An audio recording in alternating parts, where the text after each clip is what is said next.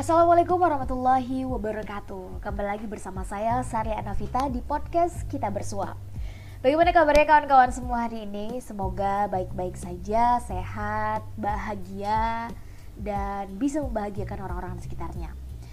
Dalam podcast kali ini saya pengen bahas tentang satu fenomena yang terjadi di awal tahun 2020 ini yaitu banjir besar yang melanda beberapa daerah di Indonesia di awal tahun tepatnya di bulan Januari tahun 2020 ini khususnya di kota Jakarta. Banjir besar ini pada akhirnya selain menyisakan duka juga menyisakan polemik dan kehebohan tersendiri di tengah masyarakat. Nah, akhirnya viral lah di media sosial kita tentang betapa banyaknya korban banjir, baik harta, benda, tempat tinggal, dan bahkan ada puluhan orang yang meninggal. Momen ini sepertinya memberikan celah dan dimanfaatkan betul oleh beberapa pihak untuk menyerang pihak lain yang beda atau berseberangan dengan mereka. Kita bisa lihat bagaimana meme, ledekan, sindiran, hinaan, dan caci maki kepada Gubernur DKI Jakarta, Bapak Anies Baswedan sebagai salah satu kepala daerah yang daerahnya dianggap paling parah dilanda banjir dan dianggap tidak mampu menanggulanginya. Ada pula demo menuntut Gubernur Anies mundur, ada yang menggugat meminta ganti rugi, dan bahkan sebagian anggota DPRD berancang-ancang membuat pansus atau panitia khusus banjir. Sebagian penggiat media sosial pun ramai menggadang-gadang figur-figur lain yang dianggap layak menggantikan Gubernur Anies dan dianggap mampu menanggulangi banjir di Jakarta. Namun sebelum kita jauh membahas semua itu teman-teman, ada baiknya kita memperhatikan beberapa hal terlebih dahulu. Pertama, curah atau intensitas hujan yang sangat tinggi seperti yang terjadi kemarin di Jakarta itu sebetulnya hampir belum pernah terjadi sebelumnya.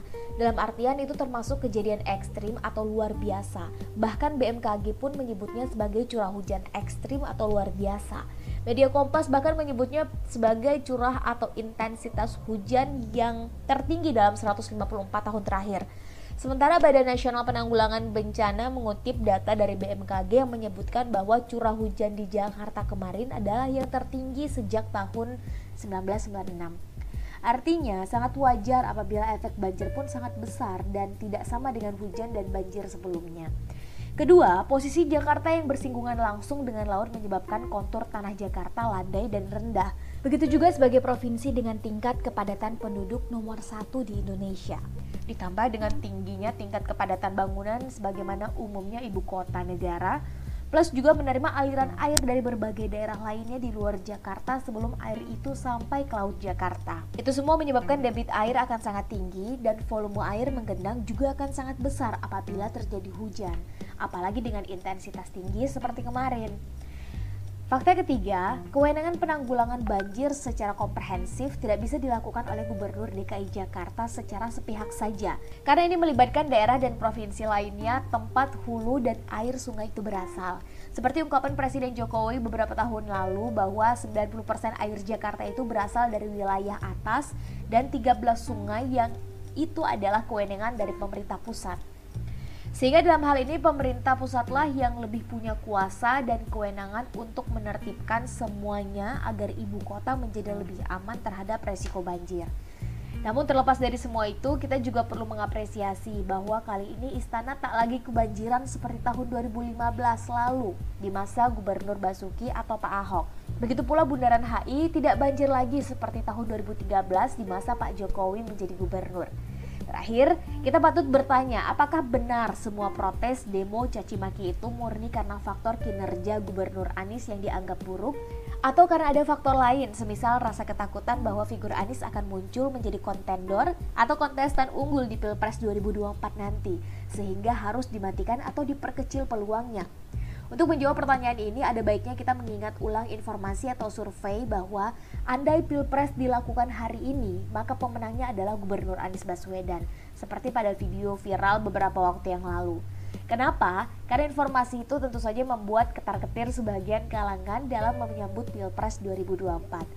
Dan terkait dengan itu, saya memiliki tiga saran terkhusus untuk Bapak Gubernur Anies Baswedan sendiri, serta untuk para pendukungnya juga terakhir untuk yang kontra kepadanya. Saran untuk Pak Anies ada tiga. Pertama, jangan sampai overconfident Pak. terlalu percaya diri dan akhirnya tidak teliti dalam menjalankan roda pemerintahan. Terus pertahankan kerja keras dan ketelitian itu, karena itu menjadi salah satu karakter dasar yang terlihat dari Bapak dan berimplikasi baik dalam mekanisme pertahanan diri ketika sedang dicari caranya untuk digoyang atau dijatuhkan. Yang kedua lebih ramah lagi dan hilangkan mimik wajah serta gestur angkuh terhadap yang pro, terlebih terhadap yang kontra dengan Bapak. Biarkan yang kontra semakin kebingungan untuk mencari sisi untuk memperolok Bapak. Dengannya kita akan mampu merangkul yang jauh, mendekap yang dekat, menyatukan dalam kebersamaan. Ketiga, teruslah fokus bekerja dengan baik dan benar, tanpa perlu selalu menyalahkan, beralasan, apalagi selalu memaki pihak lain dengan perasa diri paling benar. Karena seorang gubernur yang baik tidak akan melakukan itu. Saran untuk para pendukung Gubernur Anies Baswedan, mari dukung beliau dengan cara yang baik dan benar. Dan saran teruntuk yang kontra, dengan Gubernur Anies Baswedan. Pertama, sebaiknya berhenti mengandalkan bullying sebagai senjata utama. Karena semakin kita dibully, fitnah, dan caci maki seseorang, maka akan semakin besar pula simpati yang didapatkannya. Dan tentu akan semakin berpengaruh dengan akseptabilitas dan elektabilitasnya. Semakin kita serang beliau secara membabi buta seperti sekarang, maka justru itu akan semakin melambungkan namanya efeknya akan muncul. Mari kita ingat, psikologis masyarakat sekarang itu tidak semuanya mau menelan mentah-mentah semua berita atau informasi. Mereka akan cenderung lebih kritis dalam menganalisa sebuah informasi yang sampai kepada mereka. Yang kedua, patut diingat, data membuktikan bahwa prestasi dan penghargaan yang Gubernur Anies terima sudah sangat banyak kita tidak mungkin akan terus membantahnya dengan mengatakan bahwa lembaga yang memberi penghargaan itu tidak kredibel. Semisal, ketika dulu menyerang Badan Pemeriksa Keuangan karena mendapat predikat WTP secara beruntun kepada Pak Anies dan Pemda DKI, sementara tidak memberikan predikat wajar tanpa pengecualian atau WTP itu kepada Pak Jokowi, Pak Ahok, dan Pak Jarot selama menjadi gubernur pemimpin DKI Jakarta. Tidak mungkin semua lembaga itu tadi kita tuduh tidak kredibel. Apalagi kalau itu adalah lembaga negara di mana Pak Jokowi sendiri adalah pemimpin tertingginya. Saran yang ketiga atau terakhir, cara terbaik melawan Gubernur Anies adalah dengan menghadirkan pembanding atau calon lawan yang sepadan dengannya, tanpa memakai hoax, tanpa pencitraan berlebihan dan biarkan masyarakat yang menilai. Bukan justru dengan menghadirkan aksi-aksi seperti menuntut pengunduran diri, caci maki karena banjir, sementara terhadap daerah lain yang terdampak lebih buruk, lebih memilih untuk diam atau memprotes program bernilai ratusan juta yang dianggap merugikan tapi tidak banyak bereaksi ketika kasus korupsi puluhan triliun yang merugikan berulang kali terjadi dan menjadi pemberitaan. Maka mari kita ingat teman-teman bahwa akan ada waktunya rakyat tidak termakan lagi oleh hoax dan pencitraan berlebihan. Kalau tidak sekarang, maka nanti akan ada pada waktunya.